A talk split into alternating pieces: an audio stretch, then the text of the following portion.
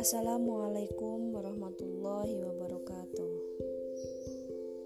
Para pendengar di mana pun dan kapan pun kalian berada Menjadi manusia terbaik adalah dambaan setiap orang. Ada hadis pendek yang syarat akan makna Dikutip dari Imam Suyuti Khairun nas anfa'uhum linnas Terjemahan bebasnya yaitu sebaik-baik manusia adalah yang senantiasa dapat memberikan manfaat bagi orang lain. Hadis ini menunjukkan bahwa manusia tidak bisa hidup sendiri.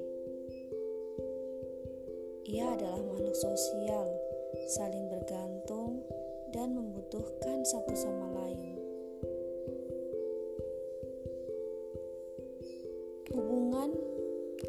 dengan manusia lain harus dibangun berdasarkan rasa keadilan, sekaligus saling mengambil manfaat.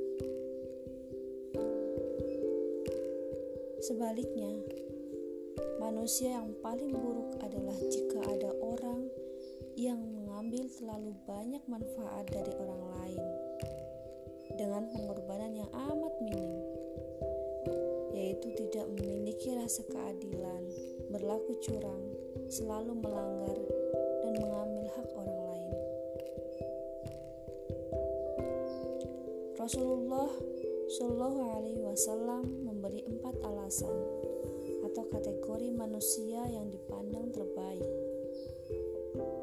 Pertama, karena paling bermanfaat bagi orang lain, maka ia dicintai Allah Subhanahu wa Ta'ala. Yang kedua, ia selalu melakukan amal yang terbaik.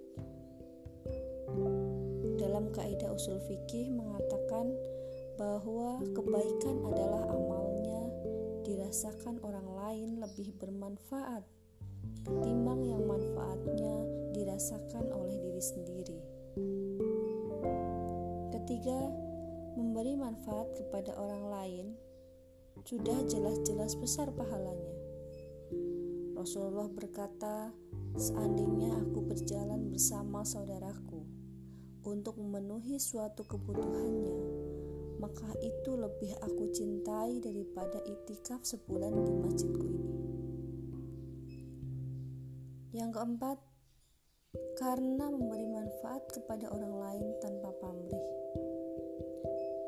Allah juga memberi persangkaan kepada hambanya Menurut pandangan orang yang beriman, amal seseorang itu baik, maka Allah pun menilai baik. Dalam suatu riwayat, pernah suatu ketika lewat orang bawa jenazah untuk diantar ke kuburnya. Para sahabat menyebut-nyebut orang itu sebagai orang yang tidak baik. Kemudian lewat lagi orang-orang membawa jenazah lain untuk diantar ke kuburnya. Para sahabat menyebut-nyebut kebaikan si mayit. Rasulullah Shallallahu Alaihi Wasallam membenarkan. Inilah pernyataan Allah dalam Quran surat At-Taubah ayat 105 yang intinya bahwa Allah Subhanahu wa taala menyuruh Rasulullah Shallallahu Wasallam untuk memerintahkan kita orang beriman untuk beramal sebaik-baiknya. Amal agar Allah, Rasul, dan orang beriman menilai amal-amal kita. Di akhir di hari akhir besok, Rasul dan orang-orang beriman akan menjadi saksi di hadapan Allah bahwa kita seperti yang mereka saksikan di dunia. Wallahu a'lam bishawab. Terima kasih para pendengar semuanya. Wassalamualaikum warahmatullahi wabarakatuh.